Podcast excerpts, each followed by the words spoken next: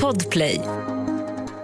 Välkommen in i Politikrummet, Expressens nygamla podd om svensk politik. Idag ska vi prata om oppositionens samarbetssvårigheter och dessutom avslöja nya siffror som borde få hela högern att sova lite dåligt i natt.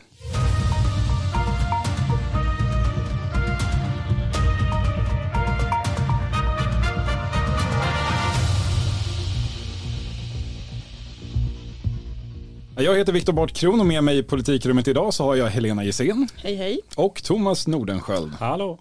Vi har valt att kalla det här för en nygammal podd. I den här feeden så publicerade vi tidigare podden Verkställande utskottet där du Thomas och jag satt med och nu går vi in i valåret med nya tag och delvis nytt lag. Eh, med oss för första gången efter 25 år på TV4, Helena Gissén. Välkommen. Tack så hemskt mycket. Kul att ha dig här. Väldigt roligt. Mm. Men hörni, eh, det är mindre än ett år till valet så ingen tid att förlora. Vi kör igång direkt. Och Nooshi Dadgostar kämpar väldigt hårt med att sticka sin egen offerkofta nu. Men politik, det handlar om gott tonläge.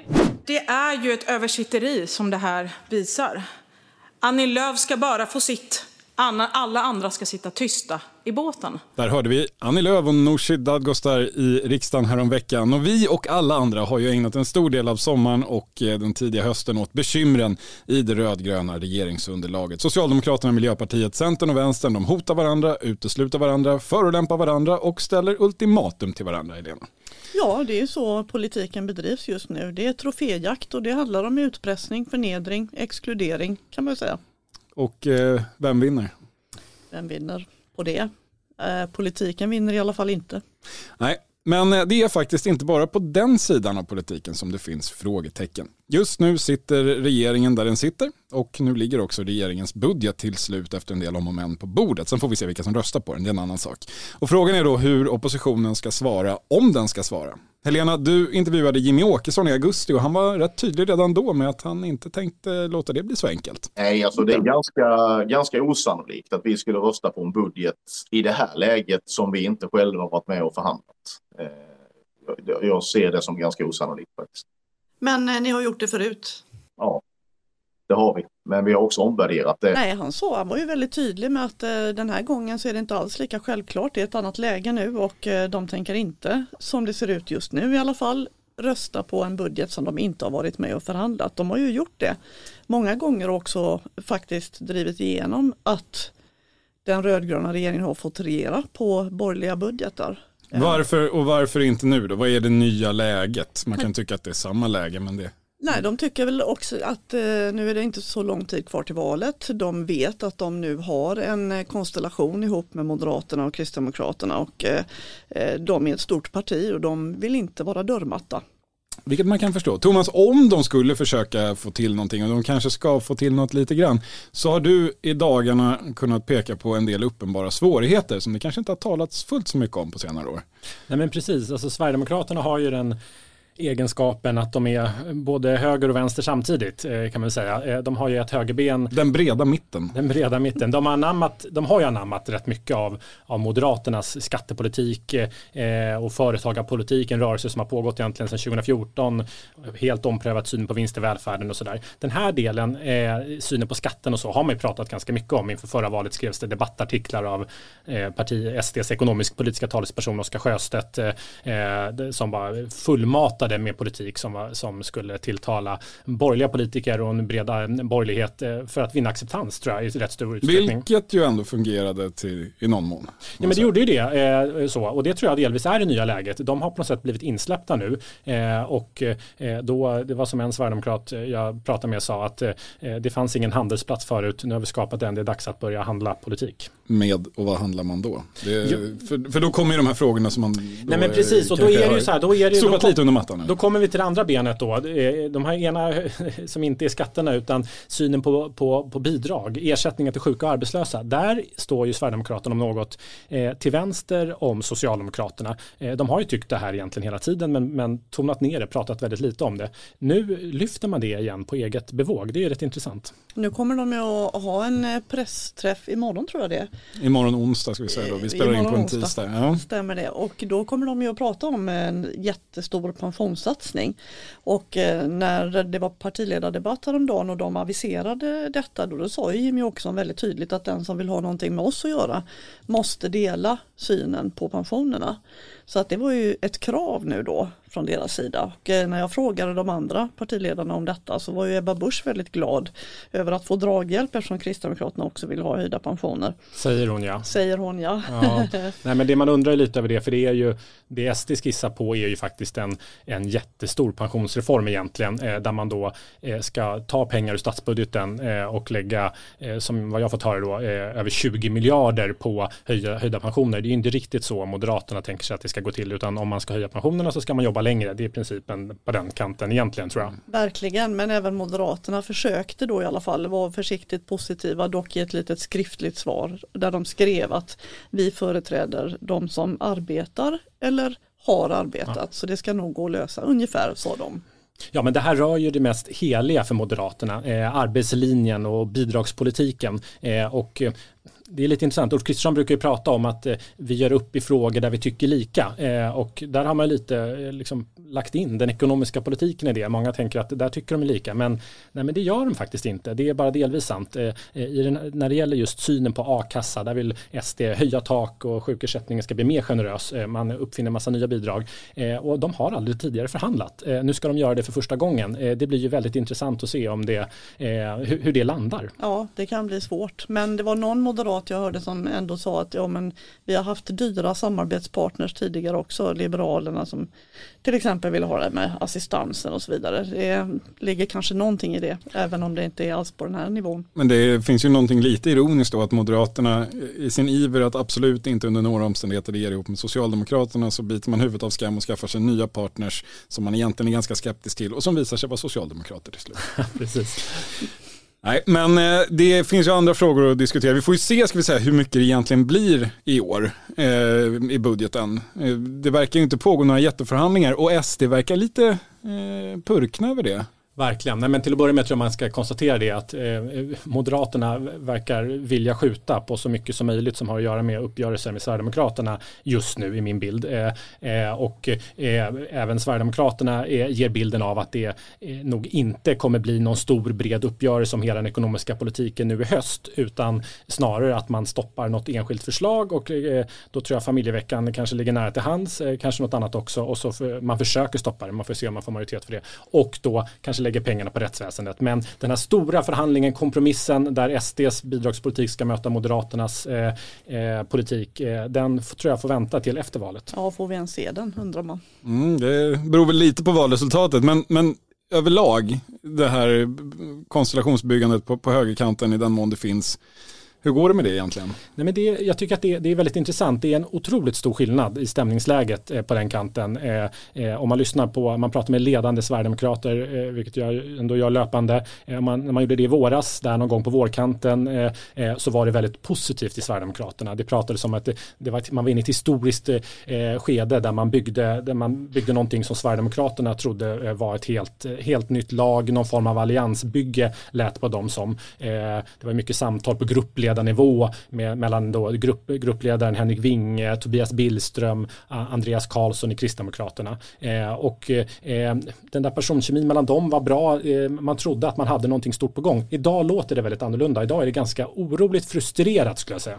Det är ganska uppenbart att eh, Moderaterna backar lite här och man kan ju spekulera vad det beror på. Dels så är det ju det att de naturligtvis förföljs av eh, alla de här invektiven om det blåbruna laget och så vidare och att det skapar en nervositet och en stress och att många moderater faktiskt inte alls är bekväma med det här egentligen i grund och botten med det här samarbetet heller. Men sen har ju då Liberalerna kommit in på banan ordentligt.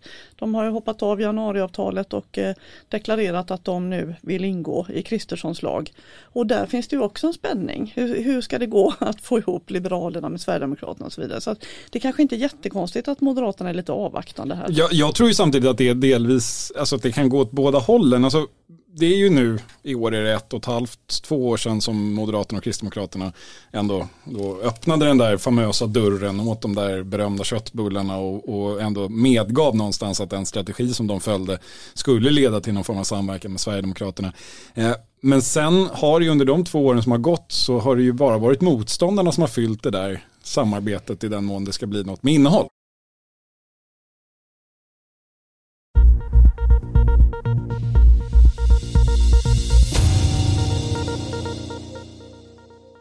Som Helena var inne på så har det motståndarna som har satt namn på det. De blåbruna, de högerkonservativa, de nationalkonservativa. Det, det finns väldigt många epitet men inget eget epitet som ägs av, av de inblandade partierna. Och det finns eh, oerhört många beskrivningar av vad det här, den här konstellationen ska leda till politiskt, vilka, eh, vilka farliga reformer de ska genomföra. Eh, det, motståndarna har en väldigt klar bild som de hamrar in vecka efter vecka.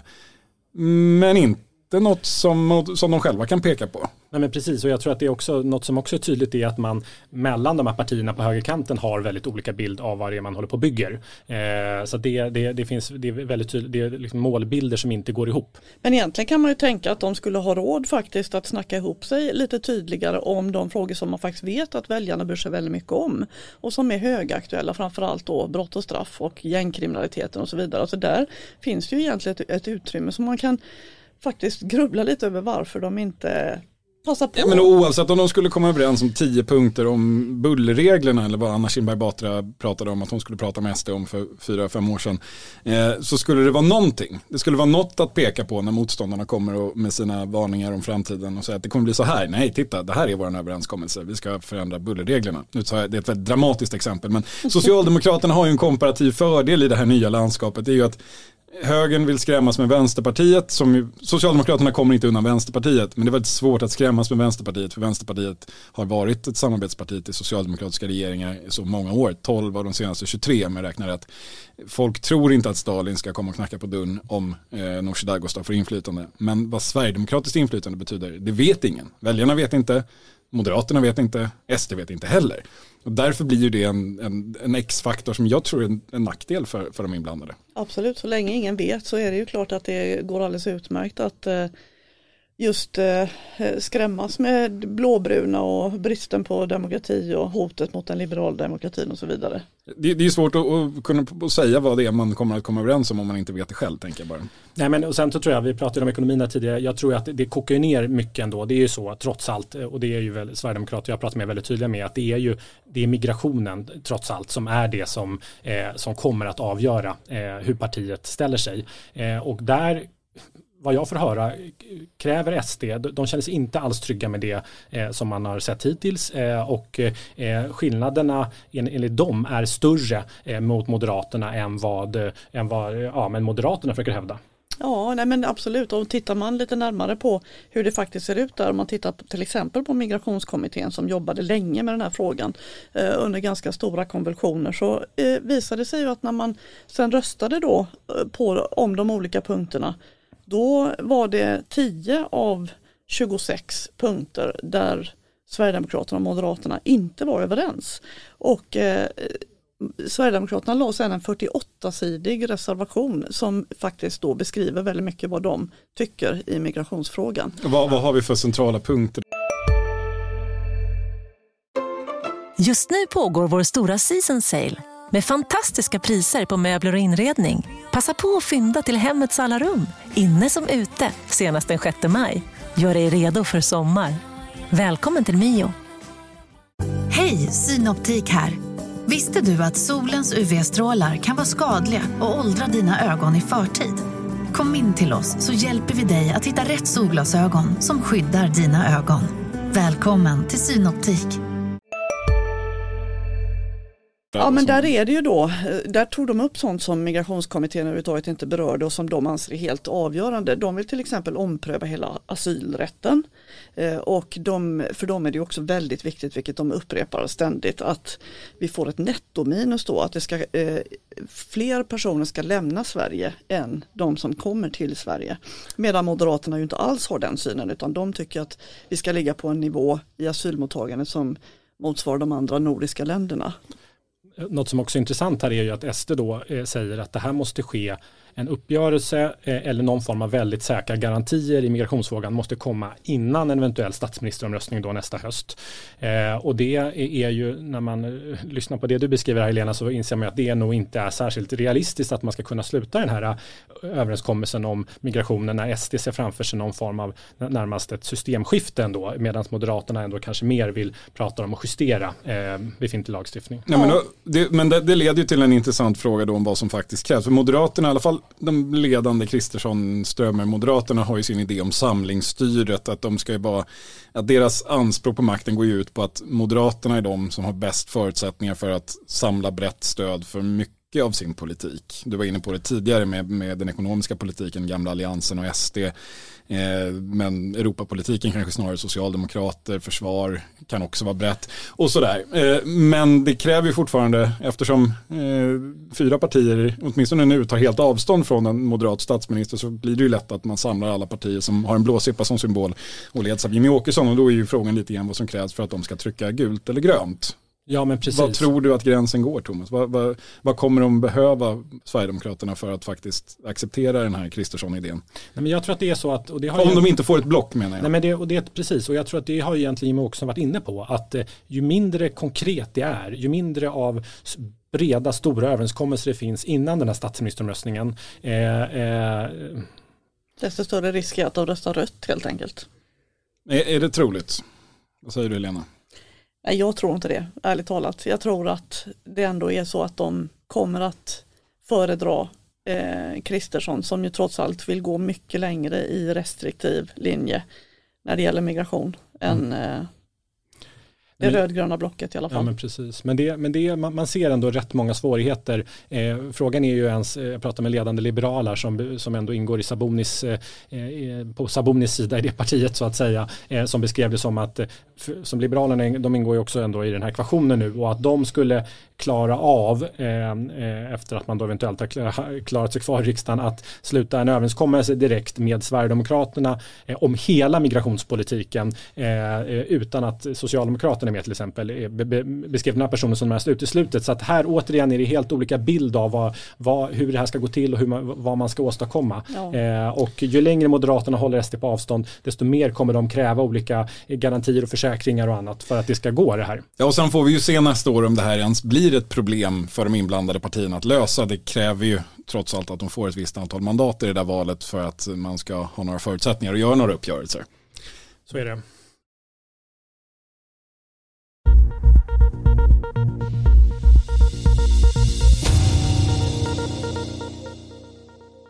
Och det är också så att vi har några färska och exklusiva siffror eh, att presentera här i podden som kanske inte är helt, eh, är helt fördelaktiga för oppositionen heller.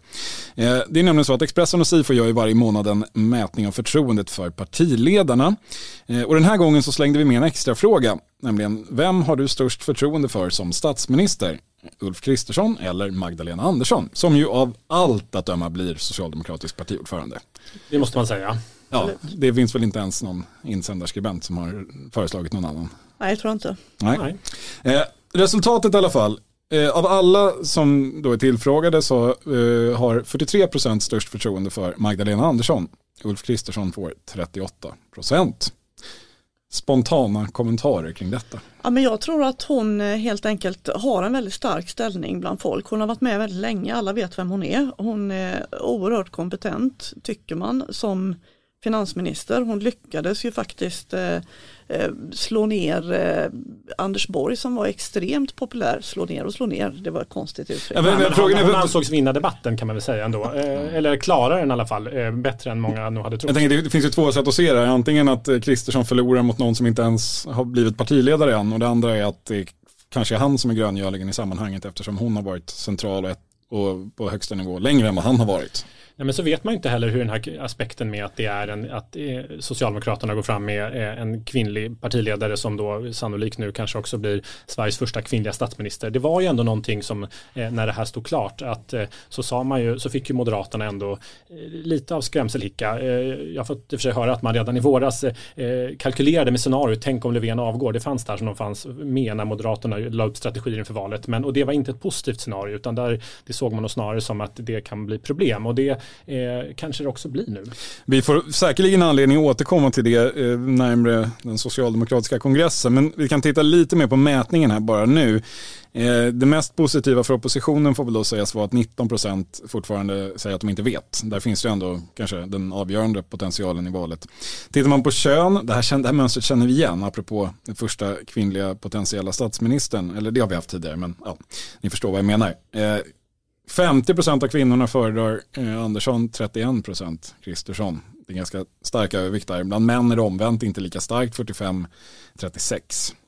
Eh, partisympati, inte alls förvånande att SV-MP-väljare föredrar Magdalena Andersson nästan till 100%. Moderater, kristdemokrater, sverigedemokrater föredrar Kristersson. Så, frågan som alltid dyker upp i svensk politik. Vad händer med de liberala partierna? Jo, bland centerväljare föredrar 61% Magdalena Andersson, 9% Ulf Kristersson. Oj. Ja, det är, ju, det är ändå siffror också som man kan tänkas kan få betydelse eh, framöver här. Ja, i en statsministervotering till exempel. Ja, men alltså det här är, säger ju allt faktiskt. Det är, de är enormt mycket mer vänster än vad Annie Lööf och hennes gäng är själva egentligen. De är, de är ett rödgrönt parti nu tror jag att ja, man, men när får man slå fast. får ta del av de här siffrorna så tycker man nästan att det är absurt att de eh, ens försöker låtsas att de står någonstans i mitten eh, och kan hålla öppet åt olika håll. För det, de är ju som du säger ett, en del av det, i alla fall deras väljare är alldeles uppenbart en del av det rödgröna laget. Ja, verkligen.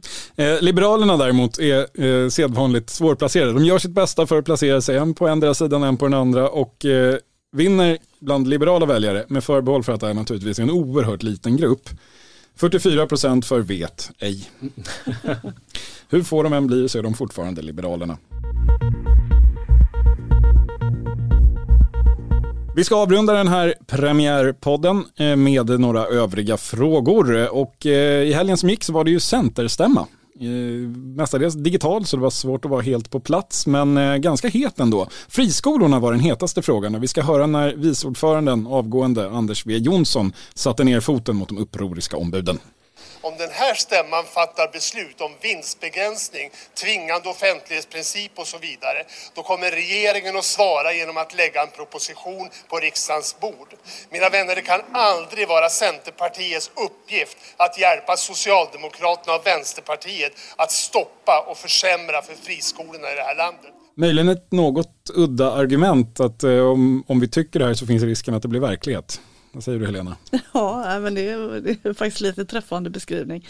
Nej, de eh, vill ju vara välfärdsföretagets bästa vänner och eh, i januariavtalet så stod det ju faktiskt att Socialdemokraterna och eh, Miljöpartiet absolut inte fick knysta någonting om att de ville begränsa vinster i välfärden. Och nu knystades det ganska friskt på Centerstämman. Eh, Thomas, det, det, det var ändå en ganska tydlig gruppering som ändå ville göra någonting annat här, men partiledningen vann.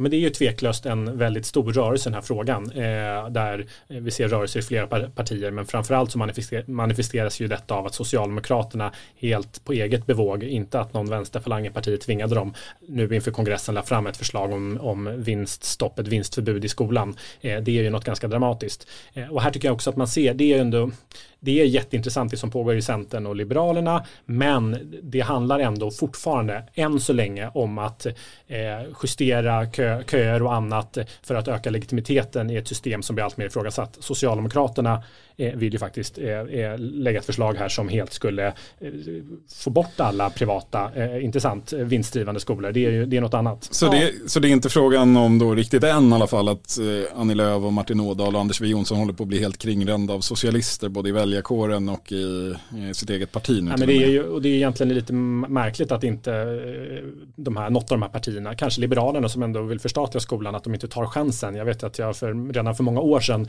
hade ett intressant samtal med ledande folkpartist som det då hette i, i det partiet om det här som sa att ja men egentligen så hade det nog varit väldigt klokt av oss att driva den här frågan men eh, vi gör inte det och de gör det fortfarande inte. Men förr eller senare så tror jag att eh, vi får se vilket parti det blir på den högerkanten som vågar ta steget fullt ut. Men eh, det, det kommer nog tror jag.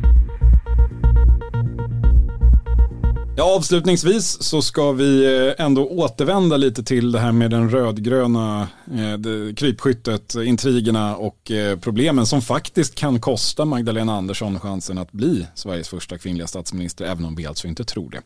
Eh, skogen och stranden, Helena. Eh, berätta, du, du var och rotade i det här förra veckan och den konflikten mellan Centerpartiet och Miljöpartiet som fortfarande, vad vi vet, är olöst. Ja, precis. Alltså, de tycker ju väldigt olika och Centerpartiet har ju verkligen krävt då att man ska luckra upp strandskyddet och att man ska stärka äganderätten för skogsägare för att de ska godkänna eh, budgeten och förmodligen i förlängningen också släppa fram eh, Magdalena Andersson som statsminister. Ja, det var ju förevändningen för att släppa fram Stefan Löfven i somras. Precis, så det hänger ju med naturligtvis och eh, de börjar ju bli allt mer nervösa nu eftersom Stefan Löfven avgår så de vill ju ha det här klart så snart som möjligt naturligtvis. Visst är det Ibrahim Baylan eh, som ska lösa detta innan han slutar? Ja, skogen ska han Ja, lösa. Mm. Det kanske blir en sån här klassisk eh, modell som eh, han lyckas få till med, med energipolitiken där han lyckas få Miljöpartiet och eh, Moderaterna eh, att enas om en politik. De var i och för sig oense om vad de hade enats om men man kanske kan tänka sig en liknande lösning här. Han att är Centern, angelägen förstås att avgå med, med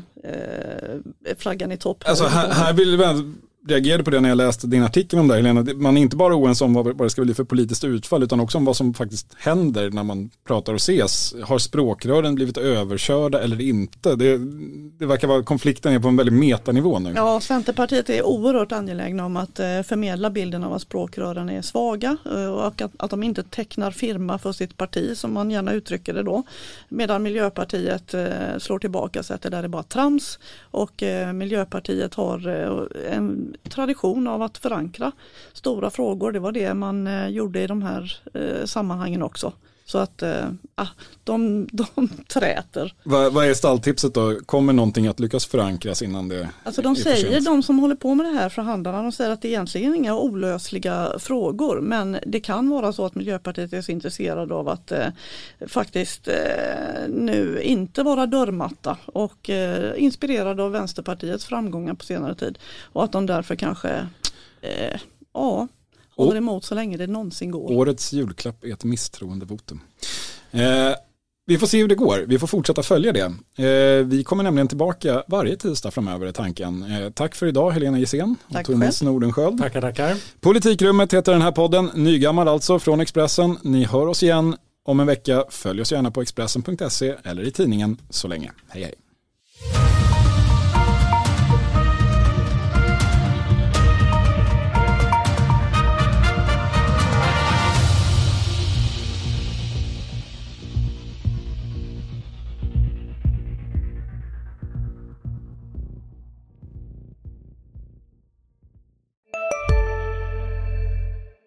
CSRD. Ännu en förkortning som väcker känslor hos företagare. Men lugn, våra rådgivare här på PWC har koll på det som din verksamhet berörs av. Från hållbarhetslösningar och nya regelverk till affärsutveckling och ansvarsfulla AI-strategier. Välkommen till PWC.